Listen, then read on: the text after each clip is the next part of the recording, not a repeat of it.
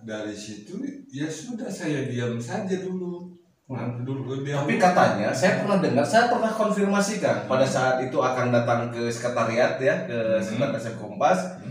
Di eh, saya juga menanyakan Hmm. ke DPKP katanya itu bukan tanah Kang Anton katanya gitu. Oke, oke. Bukan tanah saya secara pribadi, tetapi itu punya keluarga. Tanah keluarga. Tanah keluarga. Wah, inilah yang harus diluruskan ya. informasinya. Nah,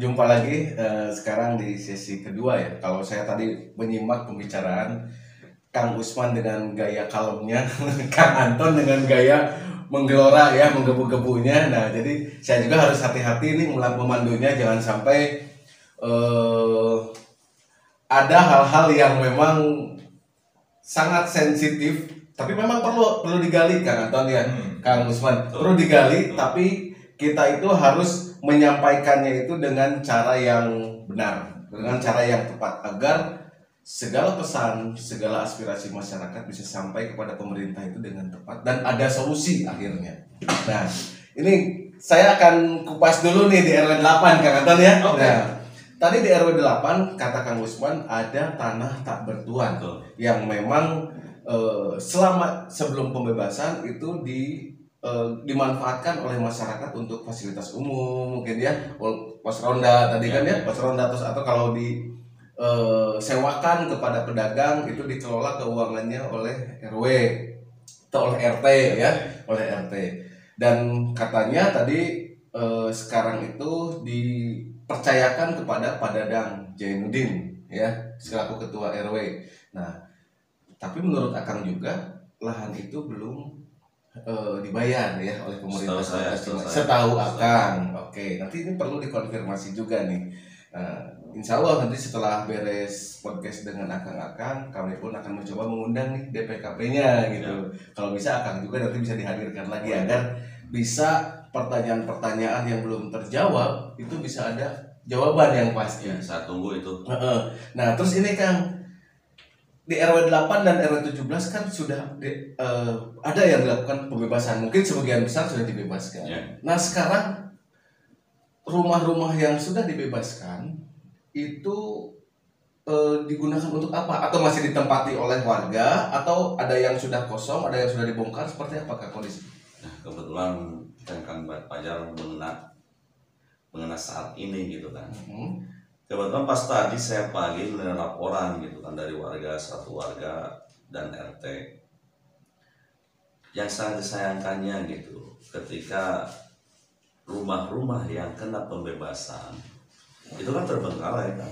Berapa Sekarang tahun? sudah, sudah dikosongkan. sudah dikosongkan dari Hmm. semenjak eh, transaksi Pembayaran. pembayaran itu Hmm. karena pengarahan dari Pemkot sendiri oleh Pak Agus itu jangka waktu untuk yang pindah nih Hmm. sekitar kalau nggak salah Oh, diberi deadline ya? oh iya nah Hmm. saat itu kalau nggak salah antar, antar tiga bulan paling lama enam bulanan untuk Hmm. untuk walk out Untuk gitu kan, relokasi ya.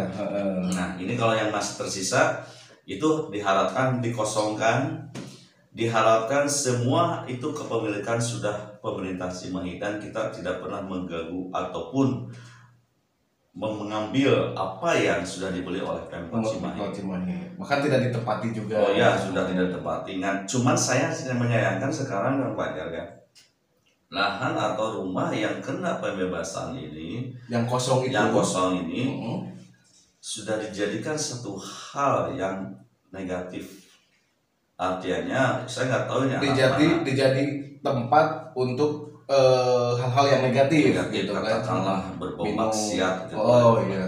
ada terjadinya minum malahan tadi saya pagi ada laporan warga dan RT minta ini ke siapa permasalahan rumah yang kena dampak yang sudah memang pembayaran dan kepemilikan jadi eh, Pemkot Cimahi itu pembongkarannya ke siapa Kapan? kapan dan ke siapa Mm-mm. Apakah keluar keluar kata saya itu nggak ada kapasitasnya ini tetap dari artinya saya juga menunggu dari DPKP Oh. Emang ada apa?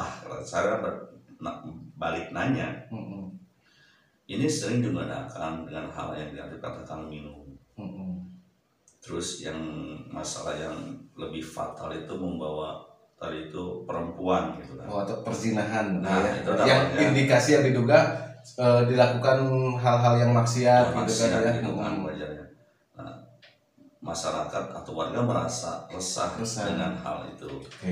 Karena di sini kan saya juga artinya ingin mempertanyakan khususnya ke pihak DPKP yang selama ini mempertang- bertanggung jawab bukan bertanggung, bertanggung jawab untuk menindaklanjuti ke arah eksekusinya itu kapan. Hmm. Tapi kalau kalau lama kan kumuh kan Fajar Oh, jadi kumuh ya. Kumuh betul, lah.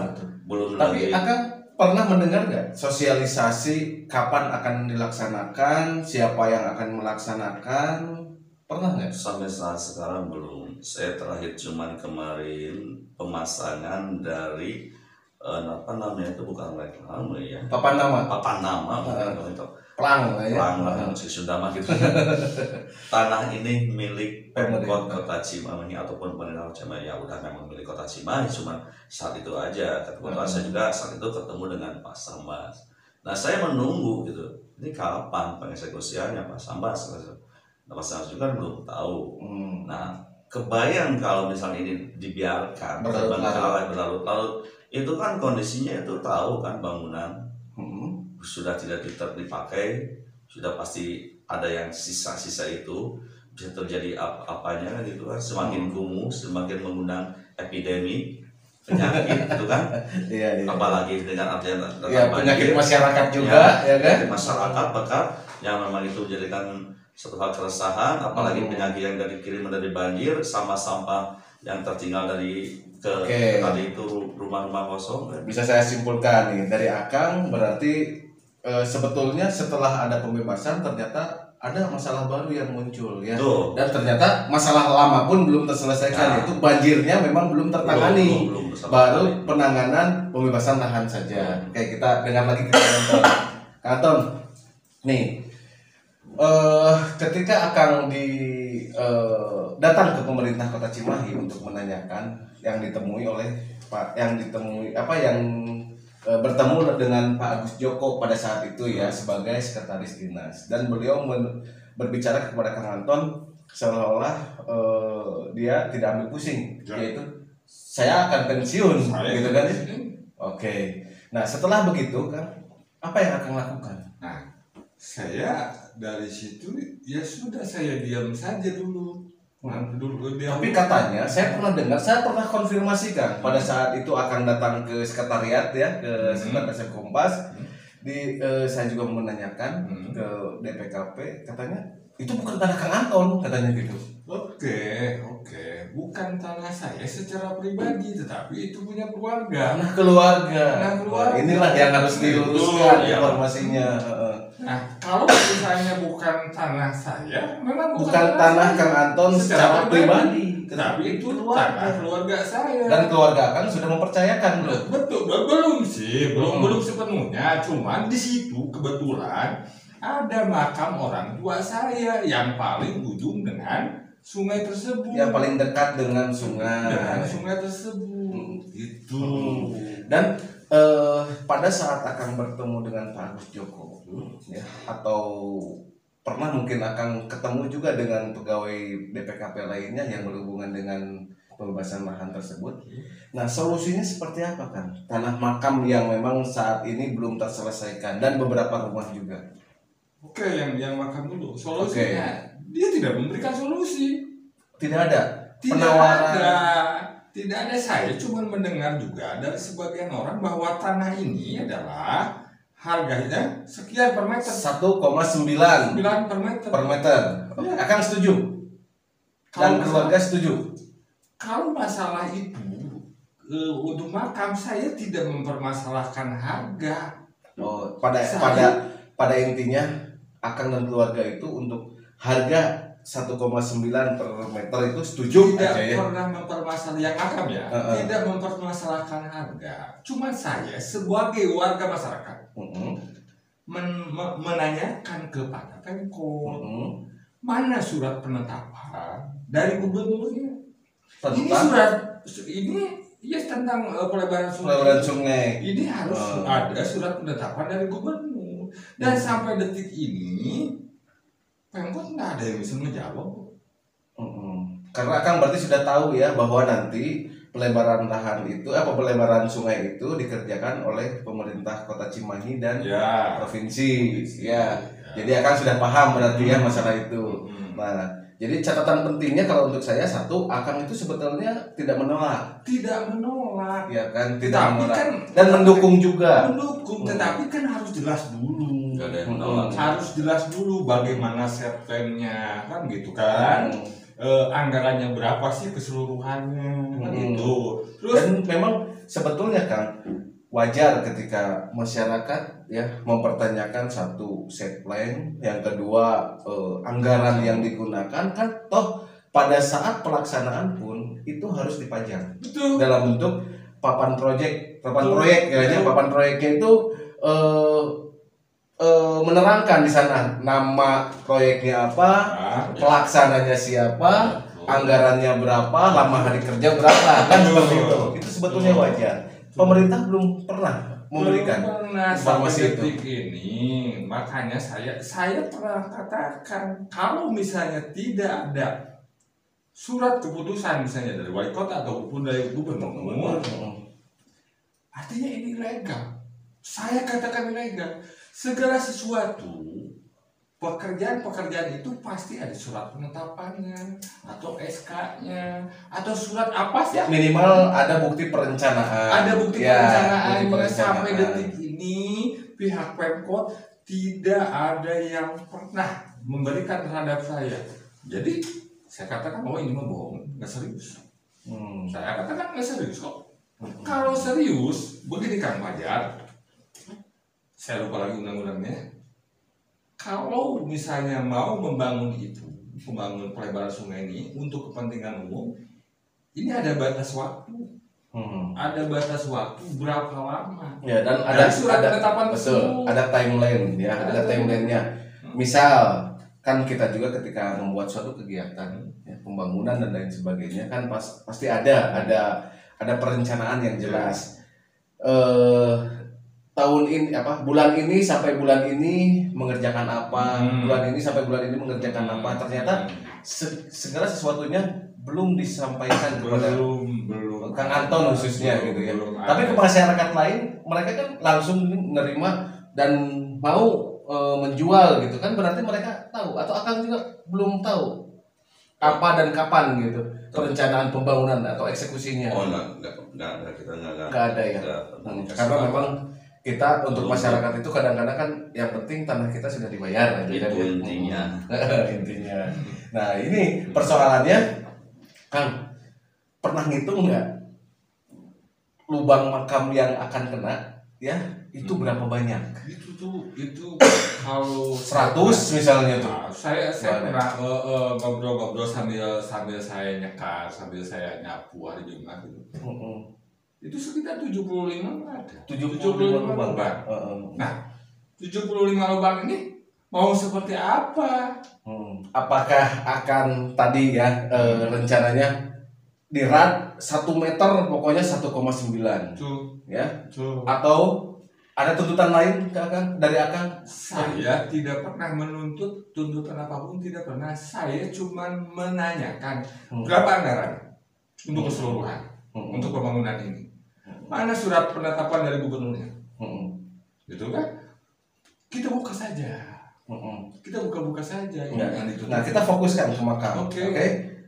Makam itu eh, dari bidang tanah itu ada berapa pemilik? Ada tiga ahli waris. Ada tiga ahli waris, ya. Dan tiga ahli warisnya itu pun juga belum pernah diajak ngobrol. Belum pernah. Belum. Pengetahuan Akang belum pernah. diajak Belum ngobrol. pernah diajak ngobrol. Hmm, Sepengetahuan saya. Belum.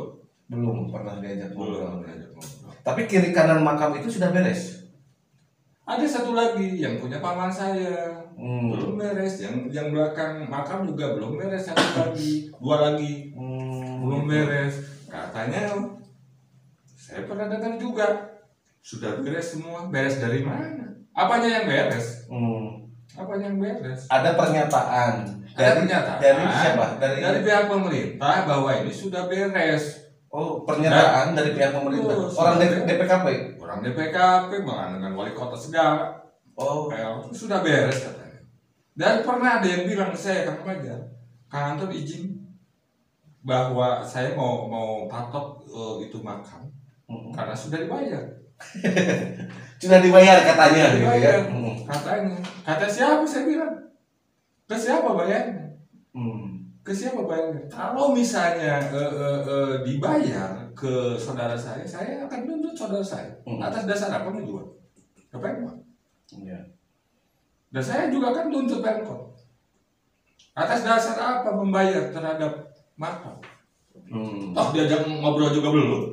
Hmm. Silakan kali. Diajak ngobrol juga belum. Hmm. Ini sudah membayar. Pemkot ini sebetulnya kayak iseng gitu. Niat atau Niat atau enggak kan gitu. Tapi saya saya simpulkan kalau menurut saya enggak. Enggak niat. Dia tidak punya perencanaan, dia tidak paham akan lapangan. Hmm. Mereka tidak paham. Iya. Dan ini kan eh, menurut Akang ya, menurut Akang nih, ketika lahan itu diganti rugi ya kan kepada pemiliknya Hmm. yang notabene itu adalah keluarga makam-makam keluarga Hmm. ada makam yang campur nggak dengan punya apa makam yang memang bukan makam keluarga di situ Oke, ada memang itu eh, eh, yang di bagian tengah ada eh, makam. Memang itu yang punya ahli waris, salah satu ahli waris, wakaf juga. Tetapi di situ juga ada orang-orang umum. Di situ orang orang lain dari luar, luar keluarga, di situ dimakamkan. Hmm. Itu ada. Nah, kalau dimakamkan di situ terus dibongkar, siapa yang akan bertanggung jawab?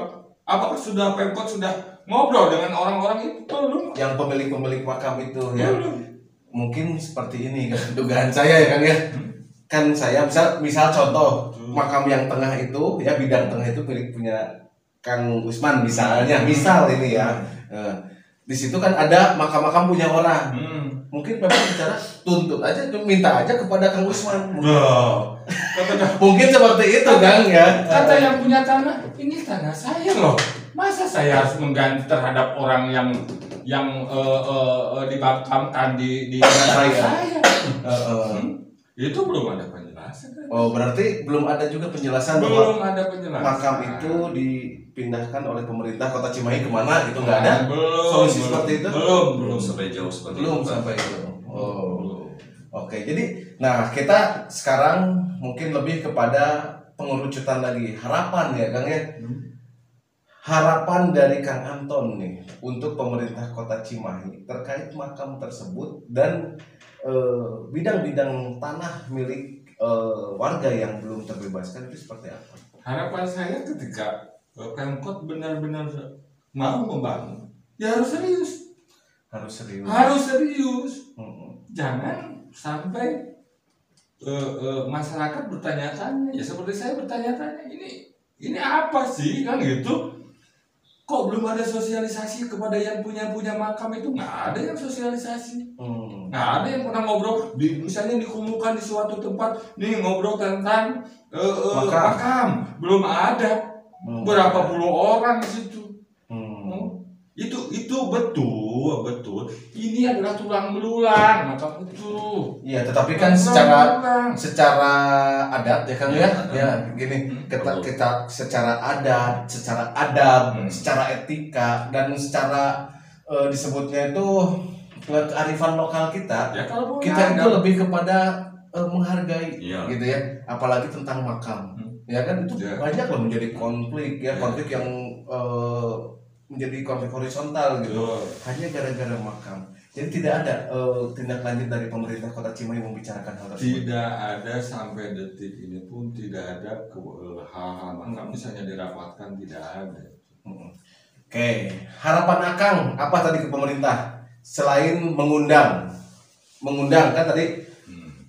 eh, secara tidak langsung Kang Anton bicara belum ada yang mengundang kami ya Hmm. eh, pemilik makam, pemilik lahan yang memang belum terbebaskan. Selain mengundang harapan apa lagi kepada pemerintah? Harapan saya terhadap pemerintah tolonglah eh, kalau misalnya ada informasi-informasi dibuka juga terhadap masyarakat. Jangan ah, jangan sampai yang di bawah saja ribut. Sementara yang di atas diam-diam saja. Hmm. tidak tahu yang terjadi di lapangan kan gitu. Hmm. terus kedua dibuka saja misalnya. Saya saya jadi melebar kang Fajar Hmm. anggarannya harus dibuka. Ya memang harus, itu harus. anggarannya harus dibuka. Harus berapa sih keseluruhan? Ini uang rakyat. Iya. Bukan Karena uang pribadi betul. Karena gini Kang Usman, ya kalau kebetulan saya juga eh, salah satu aktivis kontrol sosial ya yang memang lebih kepada bagaimana caranya menjadikan pemerintah ini ada transparan, Ya. ada transparansi Hmm. terhadap masyarakat. Salah satunya adalah anggaran-anggaran eh, kegiatan-kegiatan mereka ya. Salah satunya pelebaran jalan, pelebaran sungai dan lain sebagainya.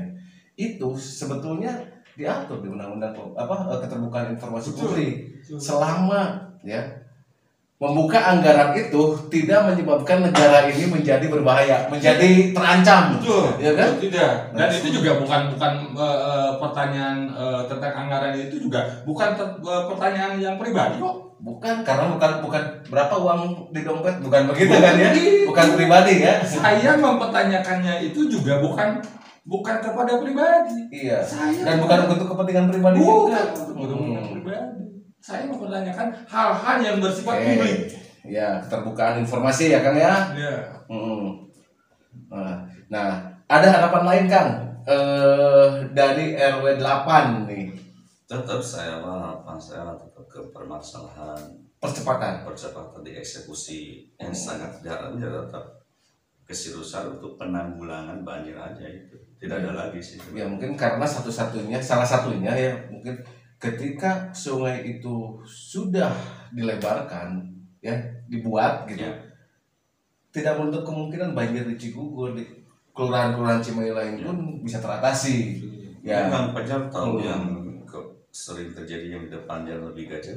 Ya yang pernah ada korban? Betul. Yang jembatan itu ya, kan itu Hmm. dampak dari apa ya dari itu arusnya yang deras betul. Karena memang sungai tidak tertampung, apa eh, air tidak tertampung ya. nah itu loh Saya bertanya kepada Kang Kang Fajar, ketika misalnya di di di di Leuwi Gajah itu di Leuwi Gajah itu terjadi banjir dan oh, kecelakaan, ada mobil, ada motor, kan gitu. bernyawa kan Siapa yang bertanggung jawab? Seharusnya siapa yang bertanggung jawab? Pemerintah dong. Hmm. Hmm, pemerintah dong. Masa mau dibiarkan saja?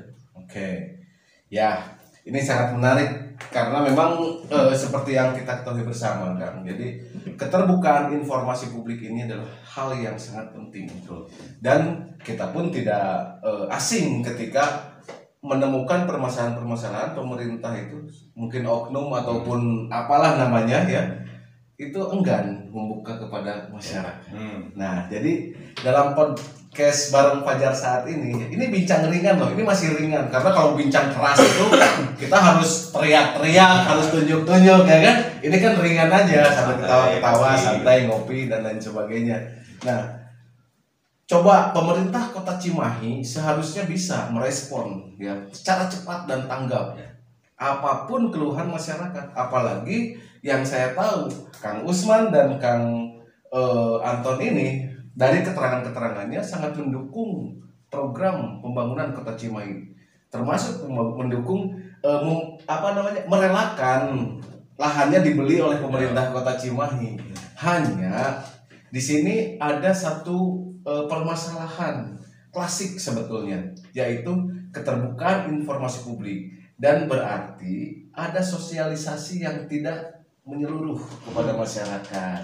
Nah, ini semoga apa yang diutarakan oleh Kang Usman dan Kang Anton dalam podcast ini bisa menjadi perhatian serius dari pemerintah Kota Cimahi, khususnya DPKP. Nah, ada closing statement nggak Kang yang ingin disampaikan oleh Kang sebelum acara ini ditutup?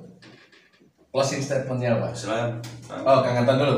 Saya tetap dari tadi eh, untuk closingnya bahwa kalau niat baik, mari kita buka segala-galanya. Duduk bersama. Jangan ada yang disembunyikan. Hmm. Kalau punya niat baik, Hmm. itu saja yang Kang Fajar. Jadi, karena Akang pun tidak ada eh, istilah mengancam akan memboikot tidak ada ya Kang ya. Saya tidak akan memboikot. Saya, Hmm. saya akan mendukung kalau misalnya semuanya terbuka. Oke, berarti keterbukaan, Keterbukaan. informasi publik. Ya, itu sudah jelas. Ya, closing statement dari Kang. Saya berharap kota Cimahi bisa membuktikan dari keseriusannya, dari anggarannya untuk membangun lebih indah kota Cimahi. Hmm. Sebenarnya kalau lihat dari APBD-nya lumayan juga sebenarnya kan Hmm. kota Cimahi itu. Intinya buktikan ke warga, terapkan ataupun kepercayaan-kepercayaan masyarakat kota Cimahi tetap ke pemerintah itu lebih kuat Lebih percaya lagi, lebih kuat Percaya. lagi. Nah, Ya. khususnya untuk wilayah Kali Ciliwung Tengah, saya mohon meminta sangat penanggulangan banjir ini diprioritaskan itu kan Fajar.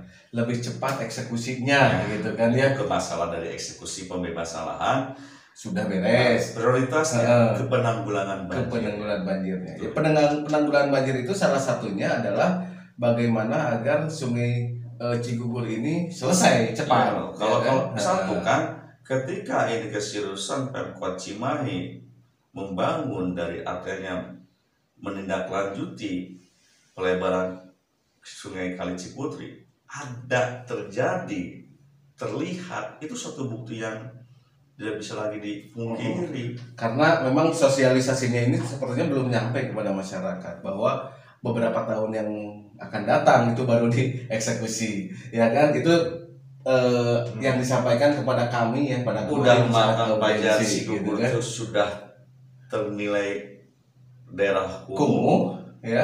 Ditambah lagi permasalahan sekarang yang tidak ada solusi penanggulangan banjir, solusi eksekusi kapan, bertele-tele ya. bertele-tele semakin kumuh. Iya, itu yang dikhawatirkan oleh Nah itu eh, masyarakat bahwa jangan sampai masyarakat juga eh, melihat pemandangan yang semakin atau kumuh. bikinlah kota wisata atau bisa mungkinnya. Oh gitu sebentar ya. ketika, enggak, ketika terjadi eksekusi pelebaran sungai itu pembangunan bisa jadikan kota wisata sebenarnya Hmm, gitu ya. dengan pembangunan keindahannya dengan rekonstruksinya awal penggambarannya gimana gimana kan bisa satu hal acuan wah kita jalan wakal tuh ke Cigugur yang baru di pembangunan Oh jalan-jalan. kan, jalan-jalan Oh bisa gitu. juga kan Jadi tempat wisata baru ya. Nah, Karena itu kan eh, iya betul. nilai plus Dalam pembangunan pun sebetulnya kalau pemerintah bisa mengolahnya, proses pembangunan pun Hmm. bisa tahapan-tahapannya bisa menjadikan sesuatu yang bisa direview ya oleh masyarakat kita ya. lihat Nah, ke, ke ke tadi yang dibicarakan Kang Anton dengan makam dengan horrible kan jadi bisa jadi beautifulnya Mm-mm. Terus eh, tadi saya tangkap juga harusnya pemerintah Kota Cimahi selain keterbukaan informasi publik dari segi eh, apa aturan dari sisi dari sisi anggaran mungkin alangkah baiknya setelah eh, pengelakuan pembebasan sambil menunggu bisa memasang baligo ya nah dengan desain desain iya Eh, sa- akan datang itu yang akan datang itu Sungai Ciputri akan seperti ini Ya, betul. gitu. terus Oke. eh, dari segi perekonomian license tambah itu bisa ada satu hal perubahan Oh gitu. karena perencanaan perencanaan ke depannya kan nggak tahu orang-orang bisa jadikan usaha Ya, belakangan. Sehingga masyarakat pun bisa bisa berpikir ya, oh saya akan begini, Nah, akan begini, kan akan begini. Sedangkan kalau dilihat itu fasilitas jalan itu kan menyambung ke jalan lebih gajah. Dari rel dari rel tadi itu makam katakanlah jalan box box atau blok sinyal gitu kan. Mm-mm. pintu rel itu jalan itu kan ke bawah di Pasang Suri yang dekat eh, pabrik apa tahu. Hmm, itu kan kalau dilihat itu kan perekonomian bisa berubah masalah Oke. itu indah sebenarnya kan kalau benar-benar keseriusan dari pihak terkait itu Iya iya. Ya memang di sini perlu adanya partisipasi publik Ya. ya. Jadi pemerintah pun harus membuka ruang ya, ruang dialektika. Kalau saya bicaranya ruang dialektika agar pemerintah dan pem- masyarakat pun saling mendukung dan persoalan-persoalan yang ada ataupun konsep-konsep yang ada bisa tersosialisasikan dengan baik kepada mendukung kita masyarakat. seribu persen kan Oke, mungkin begitu saja ya eh, bincang ringan bersama Kang Fajar episode ini. Semoga harapan saya, harapan masyarakat pun, harapan kami semua gitu kan ya, eh, pemerintah bisa menanggapi secara serius apa yang menjadi persoalan masyarakat Kota Cimahi itu. Terima kasih. Mohon maaf apabila ada kesalahan. Bila taufik wal hidayah. Wassalamualaikum warahmatullahi wabarakatuh. Salam pemberdaya.